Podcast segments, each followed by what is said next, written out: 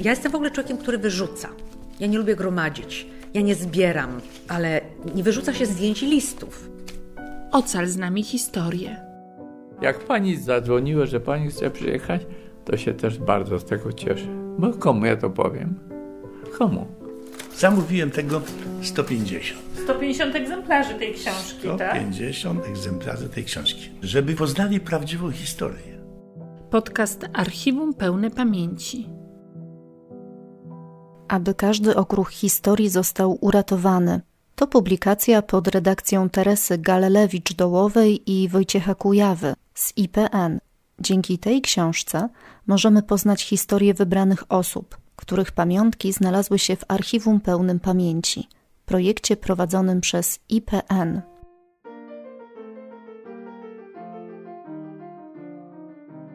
My name is Brian, Julian Brian. W tym podcaście opowiemy o Julianie Bryanie, jedynym niezależnym fotografiku, który przybywał w Warszawie w pierwszych dniach wojny.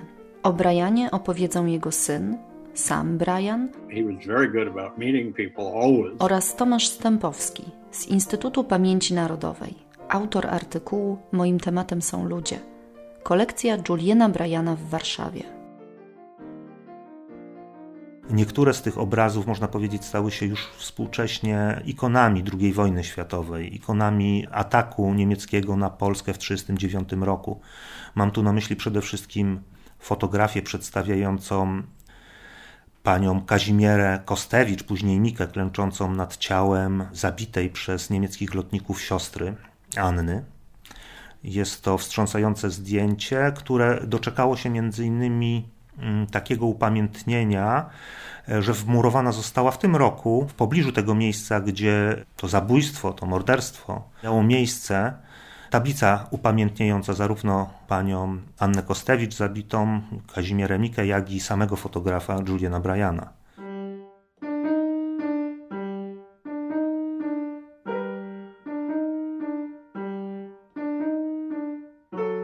Trzynastego września 1939 roku obrzeża Warszawy. Młode dziewczyny i kobiety zbierają ziemniaki. Z relacji Juliana Bryana.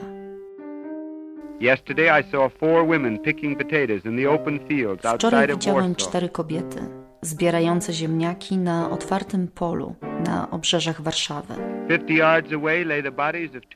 50 yardów dalej leżały ciała innych kobiet, zabitych z broni maszynowej niemieckiego samolotu kilka godzin wcześniej. Kiedy rozmawiałem z tymi, które przeżyły, dziesięcioletnia dziewczynka upadła na kolana przed ciałem zabitej siostry. Oh no? Och, moja siostro, dlaczego tak się zmieniłaś? Dlaczego nie jesteś już piękna? Płakała.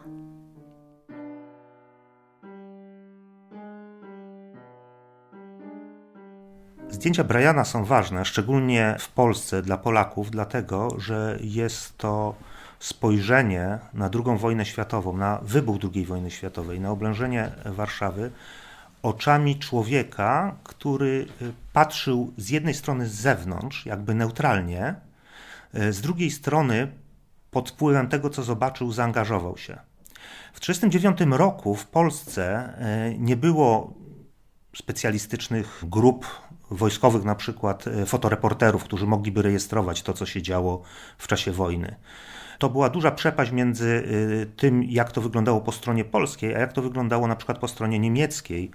E, Niemcy mieli specjalne, wyspecjalizowane oddziały propagandowe, w skład których wchodzili także e, fotoreporterzy i filmowcy i na bieżąco rejestrowali z własnego punktu widzenia oczywiście to, co się działo. Dlatego w pierwszych dniach wojny zalali świat, magazyny ilustrowane czy prasę w ogóle obrazami, które przedstawiały ich punkt widzenia. Natomiast strona polska nie miała ani takiej infrastruktury fotograficznej, ani takich możliwości. Dlatego Brian, jako jedyny fotoreporter, pokazuje punkt widzenia neutralny, a w pewnym momencie można powiedzieć także, że punkt widzenia ofiar, dlatego że sam przebywając w oblężonej przez Niemców w Warszawie, widząc cierpienia ludności cywilnej, można powiedzieć, zaangażował się po stronie e, polskiej, przynajmniej tak e, psychologicznie, moralnie. Zawsze był dobry w poznawaniu ludzi. To, co pamiętam, to są zdjęcia z wojny. Wiele zdjęć, na których jest Kazimiera Mika. I to najsłynniejsze. Ofiara i ocalona.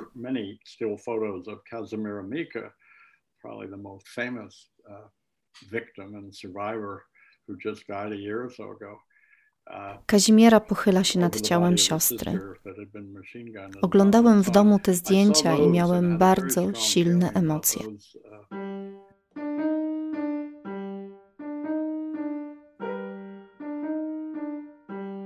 Julian Bryan relacjonował, co jeszcze zdarzyło się 13 września na kartoflisku w Warszawie. Nearby a little boy of five played all alone. His mother lay dead upon the ground near him. He could not understand. Nieopodal mały, pięcioletni chłopiec bawił się zupełnie sam. Obok leżało ciało jego matki. Nie mógł tego zrozumieć. Brian był świetnym fotografem i filmowcem. To nie była jego pierwsza wizyta w Polsce. On był w Polsce już y, w 1936 roku, a był dlatego, że y, od 30 roku, 1930 roku on jeździł po świecie i kręcił filmy dokumentalne, często nieme, oraz y, robił zdjęcia fotograficzne, które potem wykorzystywał w czasie takich wykładów, prelekcji na temat różnych krajów, w których bywał. To był jego w zasadzie sposób na życie, sposób na życie zawodowe. Z tego się utrzymywał. To wówczas było bardzo popularne. Nie było telewizji, y, nie było internetu, w związku z tym ludzie czerpali wiedzę o świecie, między innymi z tego typu wykładów i rocznie na jego wykładach potrafiło być około 100 tysięcy osób. Także to było wręcz, y, można powiedzieć, przemysłowe przedsięwzięcie. On pół roku jeździł, zbierał materiały, potem miał zaplanowane już całą trasę po Stanach Zjednoczonych, gdzie pokazywał te zdjęcia, o nich opowiadał. Natomiast w 1939 roku przyjechał tutaj, bo usłyszał, że wybuchła wojna, że Niemcy zaatakowały e, Polskę. On miał sam doświadczenia z I wojny światowej, nie jako żołnierz, ale jako ochotnik pojechał do Francji jeszcze przed przystąpieniem Stanów Zjednoczonych do wojny, po to, żeby kierować ambulansem i e, na froncie pod Verdun wozić po prostu rannych. Już wtedy miał kamerę, on tam zrobił kilkaset zdjęć, z których część została potem opublikowana w takim jego pamiętniku. Natomiast gdy usłyszał o wybuchu wojny w Polsce, to pomyślał, że to będzie podobna wojna. To znaczy on przyjedzie na zaplecze, zrobi trochę zdjęć na zapleczu tej wojny, czyli no nie wiem, gdzieś w Warszawie, w stolicy, i po prostu wyjedzie, a front będzie gdzieś tam sobie trwał na zachodzie nie wiadomo jak długo. Trzeba przyznać mu odwagę, dlatego że przyjechał ostatnim pociągiem, który już dotarł do Warszawy. Pociąg też był ostrzeliwany. Gdy dojechał do Warszawy, Wkrótce później zostało zamknięte oblężenie. Po prostu ta wojna wyglądała zupełnie inaczej. Także pod tym względem, że Niemcy, artyleria, lotnictwo zaczęło atakować miasto, ludność cywilną, bombardować i zabijać po prostu cywili. Nakręcił w Warszawie film Siege. Wystarczy wpisać Julian, Brian, wyszukiwarka. I arrived in Warsaw the seventh day of the war to find a third of the city already a shambles. The situation was far more serious than the meager censored news reports had indicated. The Polish government Pokazane jest oczywiście e, bombardowania, pokazane jest e, płonące miasto, płonąca dzielnica żydowska zbombardowana, e, ponieważ była drewniana zabudowa, no to, to wyglądają te zdjęcia wstrząsająco, zwłaszcza, że były kręcone w nocy. Pokazane są też te sceny, kiedy Brian spotkał płaczącą nad ciałem zabitej y, siostry Kazimierę Kostewicz wówczas. Bogaty wybór obrazów pokazujących życie ówczesnej stolicy, zniszczenia, rannych, także jakichś jeńców niemieckich, przemieszczających się ludzi po ulicy. To wszystko robi duże wrażenie, dlatego że Wbrew pozorom, często w czasie tego oblężenia ruch na ulicach był duży. Ludzie się musieli przemieszczać z bardzo prostego powodu. Ich domy były bombardowane, musieli szukać innego schronienia. Więc oglądamy ich idących na przykład z dobytkiem, który im został, szukających jakiegoś schronienia. Także do Warszawy napłynęła wcześniej ludność z prowincji, która także po prostu często chroniła się na przykład w e, arkadach Teatru Wielkiego. Stamtąd e, też są wstrząsające rzeczy, więc on chciał tu robić zdjęcia, co nie było proste i było niebezpieczne dla niego także nie tylko dlatego, że mógł zginąć od, od ostrzału, ale mógł zostać zaatakowany w jakiś sposób czy aresztowany przez stronę polską, dlatego że obawiano się wówczas no, szpiegów w czasie oblężenia. W związku z tym postanowił zalegalizować swój pobyt i, i swoją działalność fotograficzno-filmową. Udał się do prezydenta Warszawy, Stefana Starzyńskiego i uzyskał od niego zgodę oraz pomoc, zezwolenie oraz pomocników, także do dyspozycji samochód, dzięki któremu mógł jeździć po Warszawie, tam gdzie chciał i fotografować, filmować to, jak sytuacja naprawdę wygląda. Stefan Starzyński, prezydent Warszawy, dostrzegł szansę na to, żeby pokazać światu, jak naprawdę wygląda to oblężenie. Dlatego, że Brian jako obywatel państwa neutralnego miał szansę na to, żeby te obrazy po prostu potem wywieźć i pokazać. Dlaczego on zaangażował się po stronie polskiej, potem powiedzmy tak moralnie i, i psychologicznie? Nie mógł e, patrzeć na to, że łamane są e, wszelkie normy prowadzenia cywilizowanej wojny. Chciał o tym powiedzieć e, światu i powiedział już przemawiając przez radio, a potem pokazując te materiały na świecie. Uh, Ojciec zrobił nagranie w studiu w Warszawie. Gdy ja byłem w Polsce parę lat temu, uh, ktoś spytał mnie, czy wiesz, że to nagranie istnieje?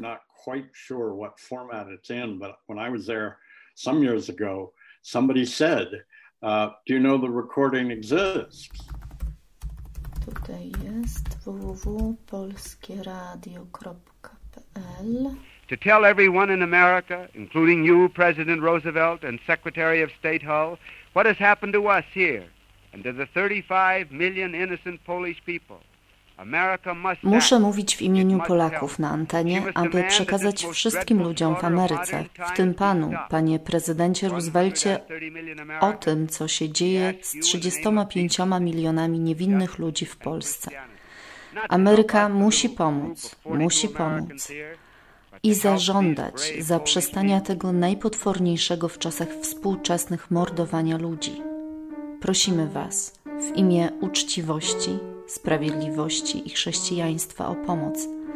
Nie dla nas, grupy 42 Amerykanów tutaj, ale o pomoc dla tych dzielnych Polaków. Goodbye to you all, and remember as we say goodbye, we are not afraid. Musimy teraz powiedzieć do widzenia. Wiedzcie, że się nie boimy. Prywatnie przesyłam miłość dla mojej żony i mojego syna. Amerykański konsul i inni Amerykanie tutaj także przesyłają miłość dla swoich rodzin. Pomóżcie nie nam, lecz Polsce. Tak jak już mówiłem, on nie spodziewał się, że e, wojna będzie tak wyglądać, że zostanie zamknięty w Warszawie i nie będzie mógł z niej wyjechać swobodnie. Obawiał się realnie, że może zostać zatrzymany przez, przez Niemców, jeżeli zostanie rozpoznany, ale także dlatego, że on wcześniej już mógł być postrzegany jako wróg e, nazistowskich Niemiec. Dlatego, że w 1937 roku on pojechał do nazistowskich Niemiec i nakręcił tam materiały pokazujące ówczesną rzeczywistość. Tam może nie było jakichś drastycznych scen, bo oczywiście tego nie mógł zobaczyć, ale pokazał na przykład ogrom e, propagandy, jaka wówczas e, w nazistowskich Niemczech panowała. I z tych filmów został zmontowany film dokumentalny Inside Nazi Germany, który już był jawnie antynazistowski. Do tego stopnia, że on wzbudził w Stanach Zjednoczonych protesty niemieckiego ambasadora. On mówił przede wszystkim, później wspominał wielokrotnie o rodzinie, którą pozostawił. Było to dla niego o tyle bolesne, można powiedzieć, czy wzruszające, dlatego że e, właśnie w 1939 roku, w 1939 roku urodził się jego syn sam. Żona i syn zostali, a on był w oblężonej Warszawie i co więcej, nie miał żadnego sposobu na to, żeby e, dać jakiś znak, co się z nim dzieje. Stąd e, te jego wzmianki o tym, żeby powiadomić jakoś rodzinę e, drogą radiową, na przykład o, o tym, co się z niego dzieje, ale napisał też wtedy list pożegnalny taki do, do żony. Potem też wspominał, że to nie było jakby zbyt mądre, bo cóż taki list może tak naprawdę wyjaśnić.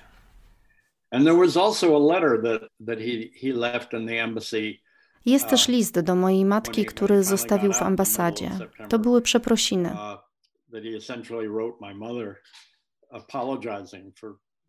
Ten list długo nie był publikowany. Aż 10 lat temu zdecydowałem, że on ma taki ładunek emocjonalny, że powinien być częścią archiwum po moim ojcu.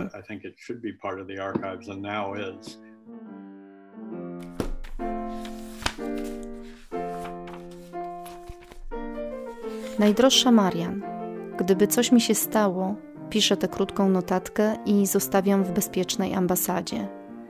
Nikt z nas nie miał pojęcia, że przyjeżdżając do Warszawy nie będziemy się mogli z niej wydostać. Żaden telegram nie wyszedł z Warszawy, odkąd tu jestem. Twój niemądry, wędrowny, adorujący mąż Dodi. PS. Jestem zdrów, ale nie mam pojęcia, co zrobią Niemcy. Może będziemy trzymani miesiącami, a może pozwolą nam wyjechać.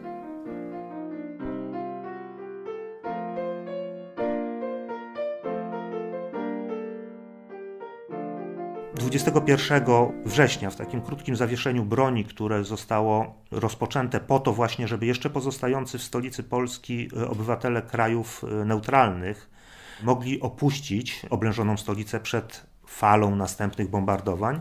Brian wyjechał, zadbał o to, żeby jego materiały zostały wywiezione, nawet gdyby on został w jakiś sposób zatrzymany. Część z nich ukrył w masce gazowej, w filtrach do maski gazowej i dał innym osobom, które wraz z nim opuszczały Warszawę w czasie tego krótkiego rozejmu 21 września. Potem jeszcze to też jest historia, która dobrze pokazuje, jak przypadek potrafi e, zdecydować o tym, e, jak postrzegamy wojnę.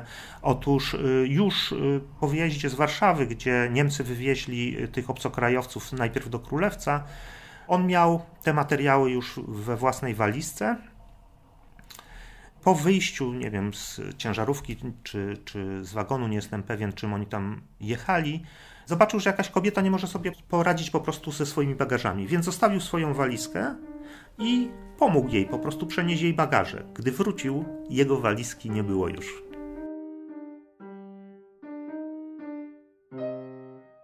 Zmartwił się, ale poszedł po prostu do niemieckiego strażnika i powiedział, że zaszła taka sytuacja. I okazało się, że tak, że to oni zabezpieczyli tę walizkę i bez żadnego problemu mu ją oddali.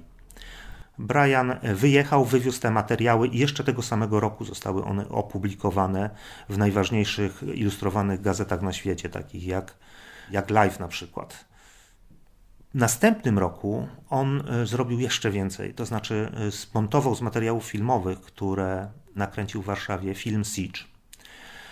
Film, który był nawet nominowany do Oscara i miał szansę na wygraną, natomiast przegrał ze względów proceduralnych. Chodziło o terminy zgłoszenia.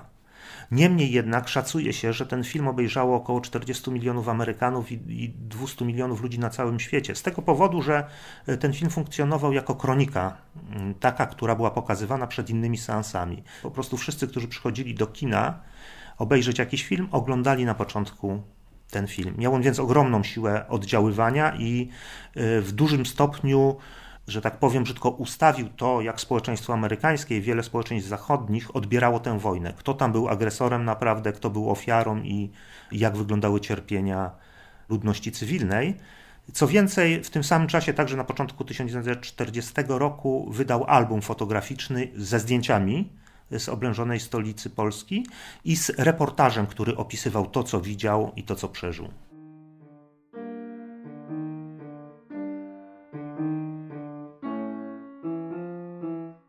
Późniejszym okresie już jego działalność była reklamowana, że był na pięciu kontynentach świata i to jest prawda, był praktycznie na całym świecie.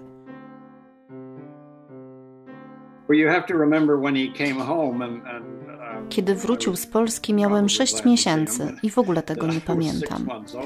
Nie wiem, czy matce przeszkadzały jego podróże, ale mnie trochę tak his coming back. I don't mind, remember my mother being that unhappy with it. I'm sure I was a bit. Nigdy go nie było. Uh, ani jak grałem w piłkę, ani jak dawałem koncert po szkole.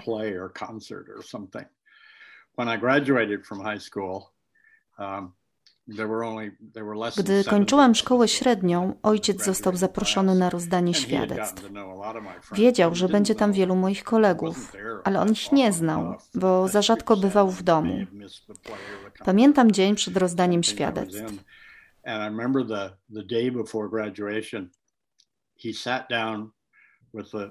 Usiadł, wziął mój album klasowy do ręki, oglądał zdjęcia i uczył się imion moich kolegów na pamięć.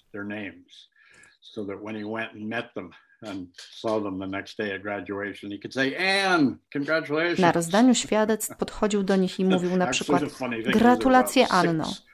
Śmieszna sytuacja, bo w mojej klasie było aż sześć Anek. But he did. He, he knew who they were. He learned their names.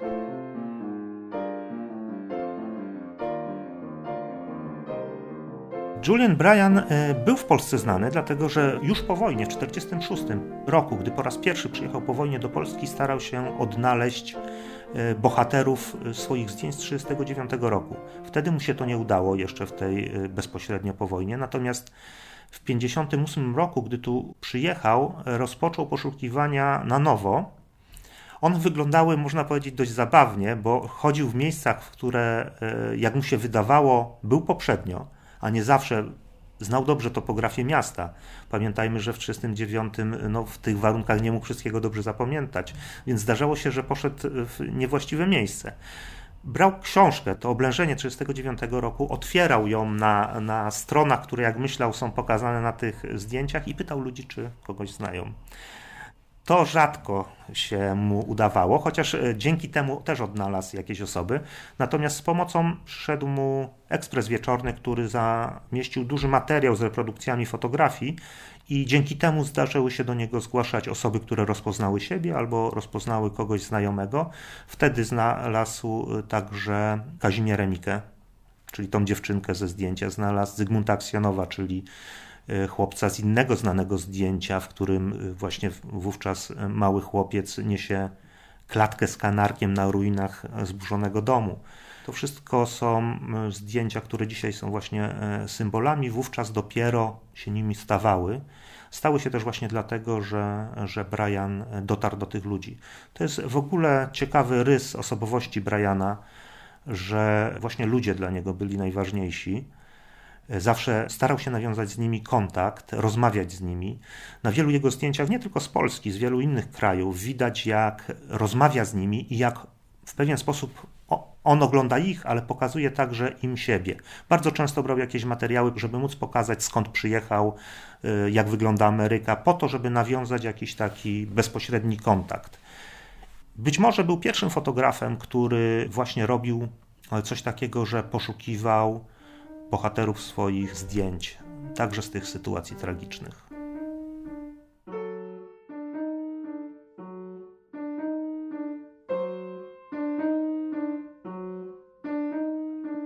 I have to say 40 45 years since he's died 45 lat po jego śmierci uważam za swój ogromny sukces to, że udało mi się zdjęcia, filmy, dokumenty umieścić w różnych ważnych instytucjach.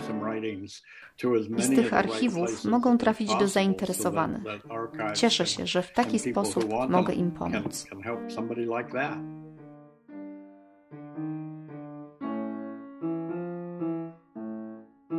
W podcaście wystąpili Tomasz Stępowski z Instytutu Pamięci Narodowej i Sam Bryan, syn Juliana Bryana. Podcast przygotowała Katarzyna Błaszczyk, torba reportera i podcastera. Muzyka Filip Preseisen.